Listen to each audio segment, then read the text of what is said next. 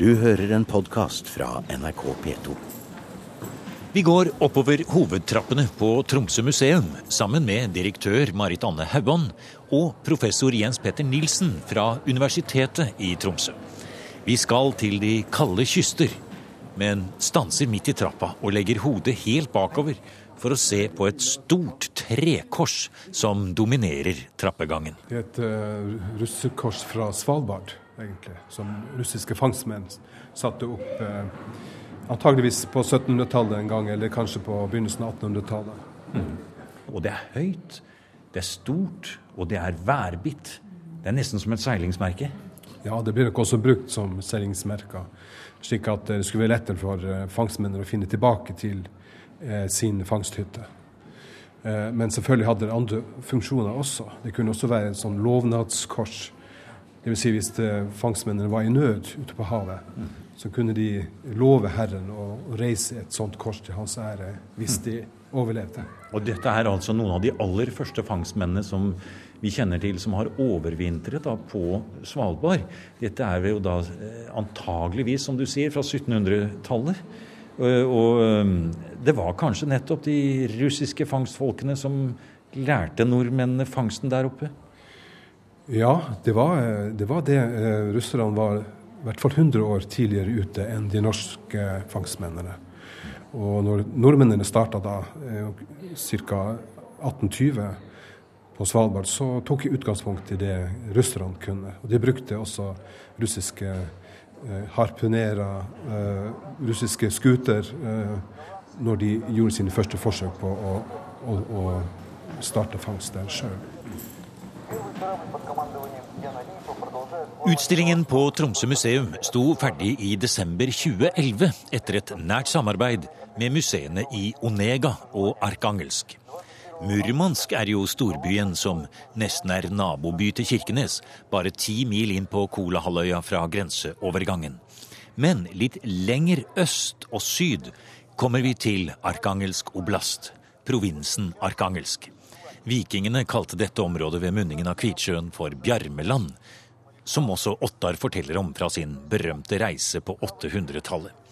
Den største byen der heter Arkangelsk og har nesten 350 000 innbyggere og et stort universitet. Den andre byen ved Kvitsjøen er mye mindre, omtrent 25 000 innbyggere, og heter Onega.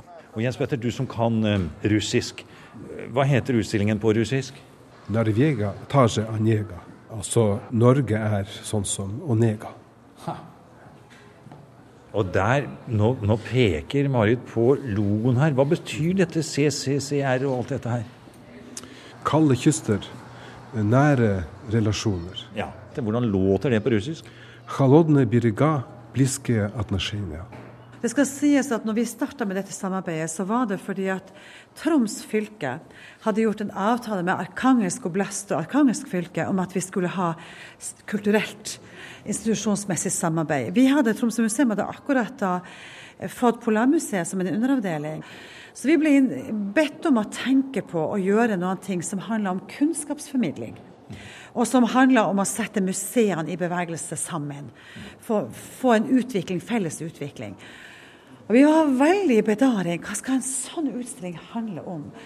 Eh, og det var de første møtene. Da forhandla vi om det. Hva skal en utstilling i tilfelle handle om? Eh, vi, jo, vi, var jo i full fart mot et jubileumsår, Nansen Amundsen-jubileumsåret. Og vi oppdaga, visste jo begge, begge, fagmiljøene visste jo at Amundsen på sin ferd til Sydpolen hadde med seg én ung mann fra Onega og én ung mann fra Tromsø. Det var Alexander Kutschin og Helmer Hansen? Ja, det var de to mennene.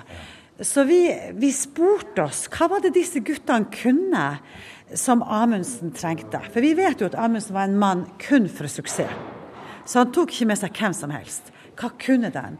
Og Vi har brukt det som en rød tråd i utstillinga. Hva var det de kunne? Og slags, Hvor er det vi har utvikla kunnskap eller henta og lært av hverandre? Kunnskapen om å bo og leve i nordområdene? Det er det. Og, hva, altså, hva, og hvor har vi stimulert hverandre til det?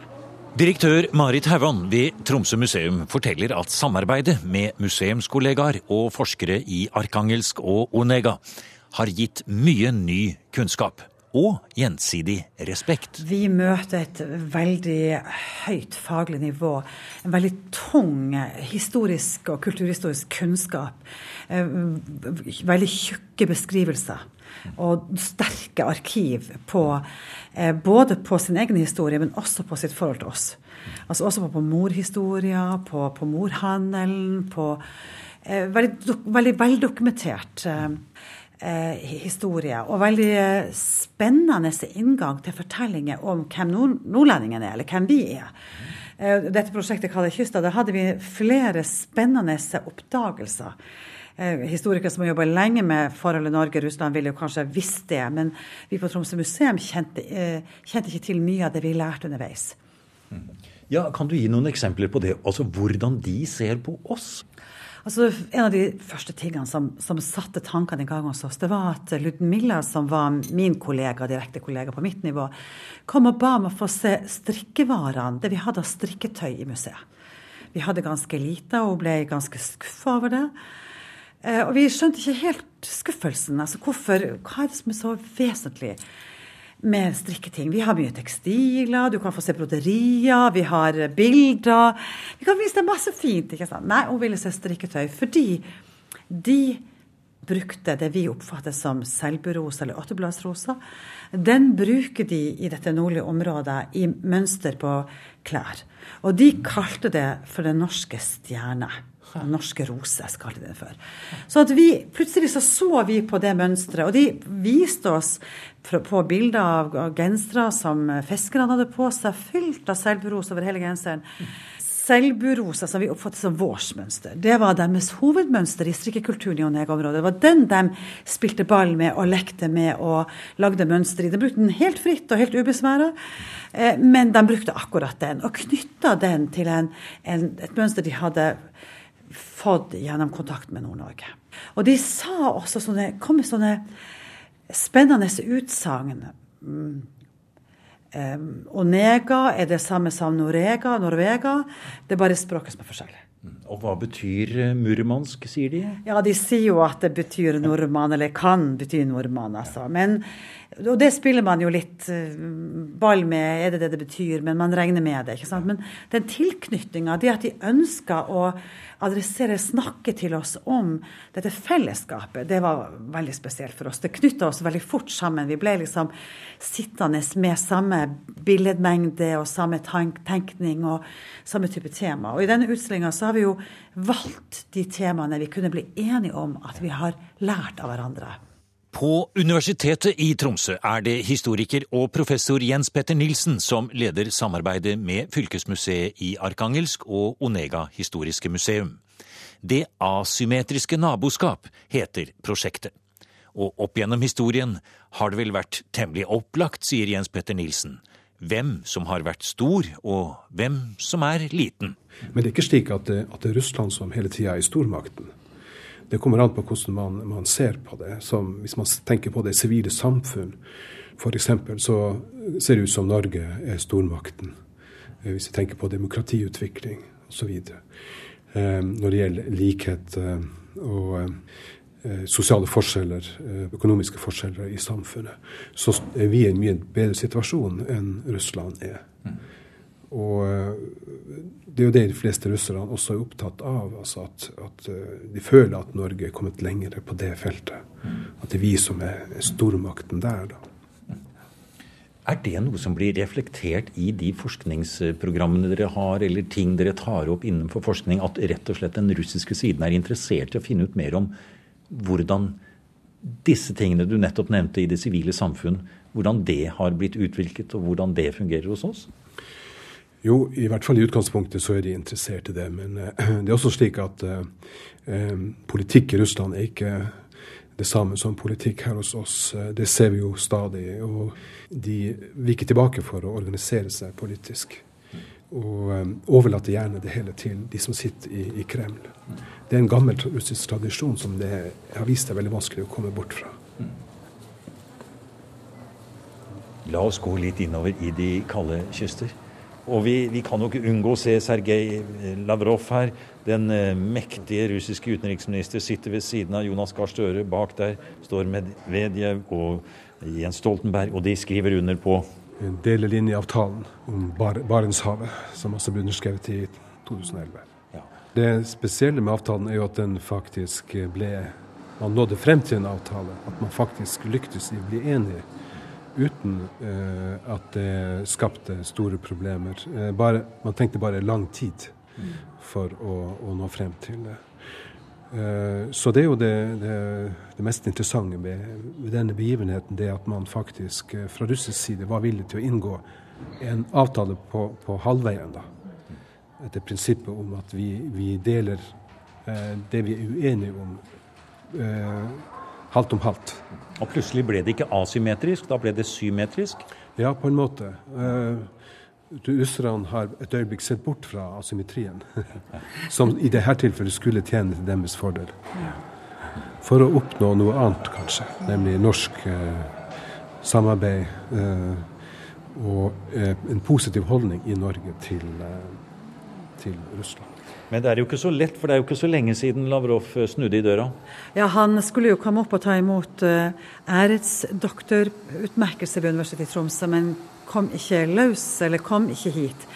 Vi har jo spekulert på om det var pga. at uh, norske myndigheter henta inn et russisk uh, fiskefartøy fra fiskeriene Safir, eller om det var andre grunner. Men det, det som er interessant, og som Jens Petter understreker, det er jo at det er jo ei lita grense mellom en stormakt og en bitte liten nasjon, og den er fredelig. Det er den mest fredelige grensa mellom en stormakt og en og en liten mus som Norge i verden. ikke sant? Og at man klarer å holde den freden og balansere den med en sånn symmetrisk deling, er jo en fantastisk eksempel på forhandlingsvilje. En forhandlingskultur mellom nasjonene. Så Sånn sett så er det jo en, en, en um, understreking av at man nok har noen idé om at man har grunnlag, og man har en kultur for å forhandle. Altså man har en historie. Og den grensen går jo langt tilbake i tid som nå er blitt eh, komplett i Barentshavet? Ja, det begynte jo med grensa på, på landjorda, da, som blir opprettet så sent som i 1826. Altså det, det, er mindre enn 200 år siden vi fikk en fast statsgrense mellom Norge og Russland. Men likevel er jo det en av de eldste grensedragningene i hele Europa som fortsatt står? Ja, det er altså faktisk eh, i dag Russlands eldste nuværende statsgrense. Uh, og det viser jo at den er litt spesiell. Den har ikke vært eh, endra siden den ble inngått. Hvis vi ser bort fra at uh, denne grensa i ca. Ja, fra 1920 til 44 var en norsk-finsk statsgrense. Så har den altså uh, ligget fast. da. Og nå er den komplett. La oss gå videre innover. Vi går mellom høye, store skal vi si museums plakater her som er satt opp, elegant laget, og det er levende film rundt oss, selvfølgelig. Det er gjenstander. Og når det gjelder gjenstander, Marit, jeg bare stopper her med en hel del strikketøy da, som ligger i en, en Det ser ut som en reisekiste, men lokket er åpnet, det er blått, flott. Eh, nær sagt, eh, det ser ut som nesten det er tapetsert inni med blå tapet. Og hva er det som ligger oppi her? Så for det første så er kista også trukket med seilskinn. Og vi vet jo at fangstfolk ja, Utvendig, ja. Utvendig, og det, ja. Vi vet jo at fangstfolk gjorde det, for da kunne den faktisk også stå på dekk og ikke og, og, det er som et regnskydd over den. ikke sant? Mm. Vi har inni denne så har vi jo en islending. Vi har en genser, nå, ja. en genser. Som, som, eh, vi oppfatter, eller som vi også har fått fortalt om at uh, pomorene ønska å bruke. altså Det var en sånn kultur vi delte på disse genserne, og at det var en handelsvare, en islending. Vi har også et eksempel på selburosa. Ja. Og disse vottene de er så strikka i Russland. De er, er, du sikker på det? Ja. ja. De, ikke, de, ser ut som de strikker på Selbu, men de strikker i Russland. Og de har altså våre veldig gjenkjennbare mønster, så de deler vi. I tillegg har vi jo fått disse sjalene. Her ser du. Ja, farverike. Rødt og lilla og sterke farver. Vi, vi, vi tenker på dem som russersjal. Det er litt sånn som du har på deg nå. Jeg har dem på meg. De er faktisk ganske moderne i Nord-Norge. De, de, når russiske kvinner eller menn kommer og har torvsalg i Tromsø og i Kirkenes, mm. så, og i Alta også, så går det mange av dem. De er rene ull, de er veldig vakre, og de fornyer klærne våre på en spesiell måte. Ja. Vi kjenner jo til dem. Våre bestemødre har fortalt om disse russersjalene. Så det er jo noe som som, som vi har lengta etter i, i tradisjon etter. Ja. Her kommer eh, Ja. kista. Vi har også forsøkt å sette fokus på pomorhandelen i utstillinga. Og vi har også forsøkt å illustrere det språket som pomorhandelen eh, var inspirator til å utvikle. Det som vi kaller for russenorsk. Moja på tvoja. Moja på tvoja, det er et pidgin-språk som kommer basert på denne handelen. Ja. Og her eh, er det altså eksempler, for det er flere litteraturvitere som har forsøkt å finne ut av hva man sa på russenorsk. Og her ser vi her står det en del eh, russenorsk opp her. Det kan jo du, Jens Petter. Du kan vel snakke russenorsk, du? Ja, det er jo et røverspråk. Kjøpiseika, treska, tiksa og balduska. Det betyr jo selvfølgelig Kjøper dere sei, torsk, hyse eller kveite? Hva svarte russeren da? Ja ja, jeg kjøper alt, vær så god. Spasiba. Hari mukka, hari gruppa. Takk, takk. Har, har dere mel? Har dere gryn? Ja. Det er nesten morsomt. Det er sånn at vi må le litt når vi snakker russernorsk her, Marit. Jo, vi må det. Og, eh, altså, det er jo noen av disse ordene som du kan liksom enda altså Baldurska er jo altså, enda noe vi sier om kveita. Vi, vi, noen, jeg kunne jo det som barn allerede. Så visste jeg jo at vi kalte kveita også kunne bli kalt for balduska. Jeg visste ikke om det var et ord vi hadde i vår kultur. Jeg visste ikke om det russiske. Men altså, det, ordene er ennå gjenlevende. Men det er jo et eh, språk som er direkte knytta til handel og til utveksling og forhandlinger mellom norske fiskere og russiske oppkjøpere. Og det vi ser i utstillingen her, som du også sier, Marit, vi, vi går innover i utstillingen her, og vi Hele utstillingen ser vi etter hvert det tar sikte på å forklare hva er det russiske, hva er det norske, og hvor møtes da disse to kulturene på en måte i det kulturelle også. Ja, altså du kan si Vi, vi, har, stilt, vi, har, vi har valgt ut de temaene vi kunne bli enige om at vi hadde forhandla med hverandre om kunnskap på. Vi har også sett det i forhold til hvis vi går til den mantelen som har eh, båt. Så vi ser det i forhold til skipsteknologien. Her går vi gjennom utstillingen her, ja. At eh, man har altså lært av hverandre å forme båter som har tålt is og snø. Ja, men, for nå har, vi nemlig, nå har du tatt oss med bort, bort til en monter hvor det er en modell av Fram, altså Nansens og eh, Amundsens eh, skip her. Er det, mener du at det også har med noe man lærer av Ja, altså, vi vet jo at disse mennene, disse norske polarheltene, de var i Tromsø, de var med ut på ekspedisjon på turer. De var til og med på fangst. Og de undersøkte hva er det som er spesielt, hva trenger man å kunne og vite for å være i disse områdene. Og det vi vet er jo at russerne utvikla båter som så ut som nærmest et halvt egg, som de brukte når de drev fangst på is. Så, det, så det, denne måten å konstruere Fram på, Ja. altså dette at den skulle bli presset opp av skruisen, Ja. Eh, det, det kommer fra russisk inspirasjon? da? Vi regner det som veldig sannsynlig at det er inspirert fra det, og at han har beslutta å bygge en sånn båt gjennom den russiske inspirasjonen. Og når, når Frem kommer tilbake til Tromsø etter den lange turen nordover, hvor Hjalmar Johansen og Nansen tok seg en skitur, og blir feira på en stor fest i Tromsø, så sier hovedtaleren Fram, du er stygg, men du er vår. Altså, den, Man aksepterte ikke formen som en pen båt. Den var fremmed, men den tålte veldig godt is. ikke sant? Og den læringa man har fått gjennom den båtbyggertradisjonen som de har lært fra Russland. Og så er det jo denne kontakten mellom menneskene. altså Man må ha samvirker. Vi har jo et folk som har gått over alle grensene hele tida, og det er jo sammen. Og så har vi disse kontaktene som Jens Petter har sagt har vart i veldig veldig lang tid, men som opphørte i en, den tida etter revolusjonen og frem til eh, perestrojkaen. Og det er jo en parentes i historien. Mennesker har jo levd mange flere år enn den tida. Og vi fant sist sommer, sommeren 2011, da vi gjorde utgravninger på Tønsnes utenfor Tromsø, så fant vi et tettsted. 20-30 tufter som har vært sommerboplass. Så folk har kommet dit og vært om sommeren. Og i de funnene så fant vi altså en, et anheng. et smykke fra steinalderen. Ja. Og den eneste plassen vi har funnet noe som ligner, eller i historien kan fortelle om 6000-7000 år gammel. ja, er Onega.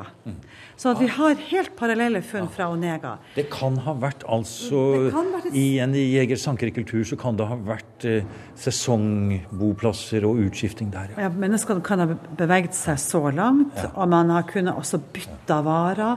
Og hadde en handel gående, eller en bytte, byttehandel gående mellom, mellom disse Langs en folkene. isfri kyst, ja. Så vi, vi, er veldig mobile, og vi har masse fly, og vi har masse biler, og masse veier, og masse tog og masse båter i dag. Men mennesker har beveget seg til alle tider. Så det er jo litt sånn viktig for oss, og vi ser jo at handelen bærer mange ting. Vi går rundt og ser på utstillingen 'Kalde kyster nære relasjoner' på Tromsø museum. Direktør Marit Hauan og professor Jens Petter Nilsen forteller om samarbeidet med de russiske kollegaene i Onega og Arkangelsk, og snakker om hvordan sameksistensen i nord alltid har dreid seg rundt de to ordene konflikt eller kompromiss. Og at det bortsett fra i sovjettiden og den kalde krigens dager har vært kompromisset som har vært regelen. Eh, ja, det er jo absolutt det. Når det gjelder nordområdene, så var jo det en kontaktflate mellom vanlige mennesker i Nord-Norge og i Nord-Russland. Og eh, de hadde ikke noe politisk forhold til hverandre. Ikke noe ideologiske motsetninger. De hadde en praktisk, eh, menneskelig holdning til hverandre og fant et, en måte å skal vi si, dra fordeler av det den andre kunne bidra med. Det er også typisk for på morhandelen. ikke sant? Det er en, en, en eh, komplementaritet her. Russerne hadde noe som vi mangla, og omvendt. Og man fant frem til en, en måte å drive handel på, på en fredelig måte. Eh, folk i Nord-Norge Nord var ikke eh, politisk i sin tenkning omkring Russland, som folk i hovedstedene ofte var. Den norske eliten utpekte Russland som en, en, trussel mot Norge allerede tidlig på 1800-tallet. Eh, slik at dette er noe som er mye eldre enn den russiske revolusjonen, denne motsetningen mellom øst og vest.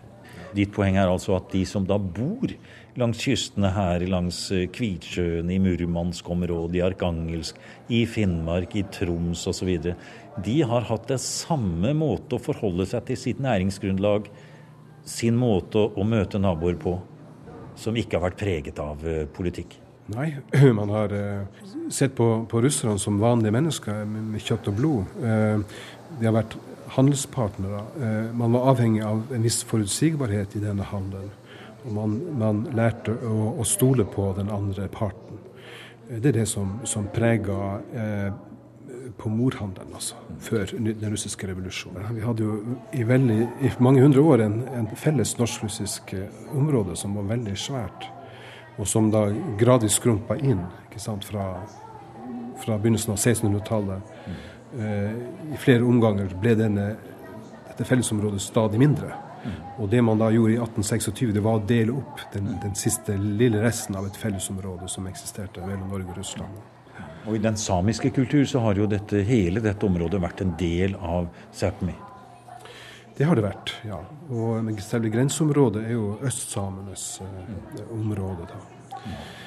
Og det var de som da på en måte ble skadelidende av at det ble trukket en statsgrense gjennom deres eget eh, land. altså. Historien, samarbeidet, felles kultur, konfliktene. Alt det som hører historien til. Det er nå én ting, sier direktør Marit Hauan. Men nå er det også mulig å se langt framover.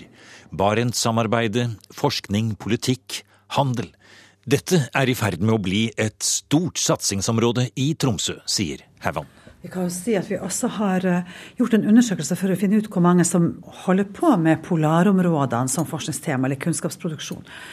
Og det er jo vist at rundt 500 mennesker på denne intellektuelle Holmen Tromsøya faktisk bedriver forskning og kunnskapsutvikling om nordområdene. Og da gjelder det jo, som Jens Petter har sagt, det gjelder Norsk Polarinstitutt, det gjelder Havforskningsinstituttet, Kongsberg Space Tech, altså randsoneinstitusjoner til universitetet som forsterker dette og utvider og revitaliserer eller vitaliserer eh, det. Vi, vi var laga som et universitet for å sørge for kompetanse i landsdel, til landsdel, for landsdel.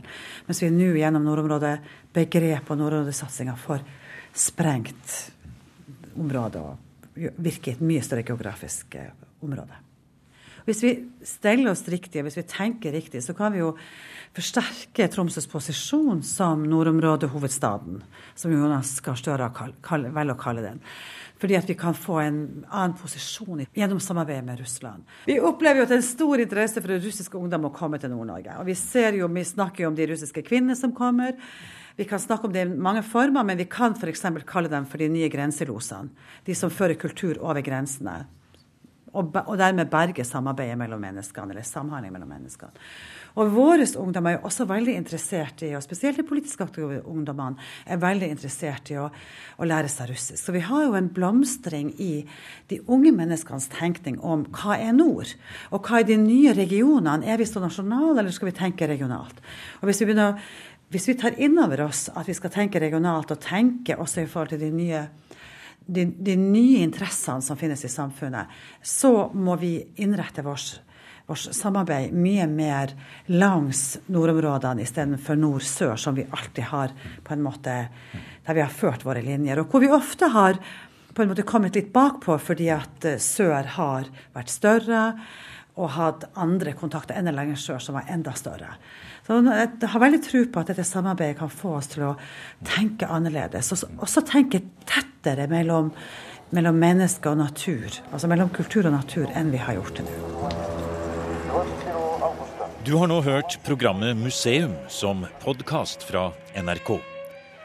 Museum sendes i NRK P2 på lørdager og søndager. Du finner flere programmer på nrk.no podkast.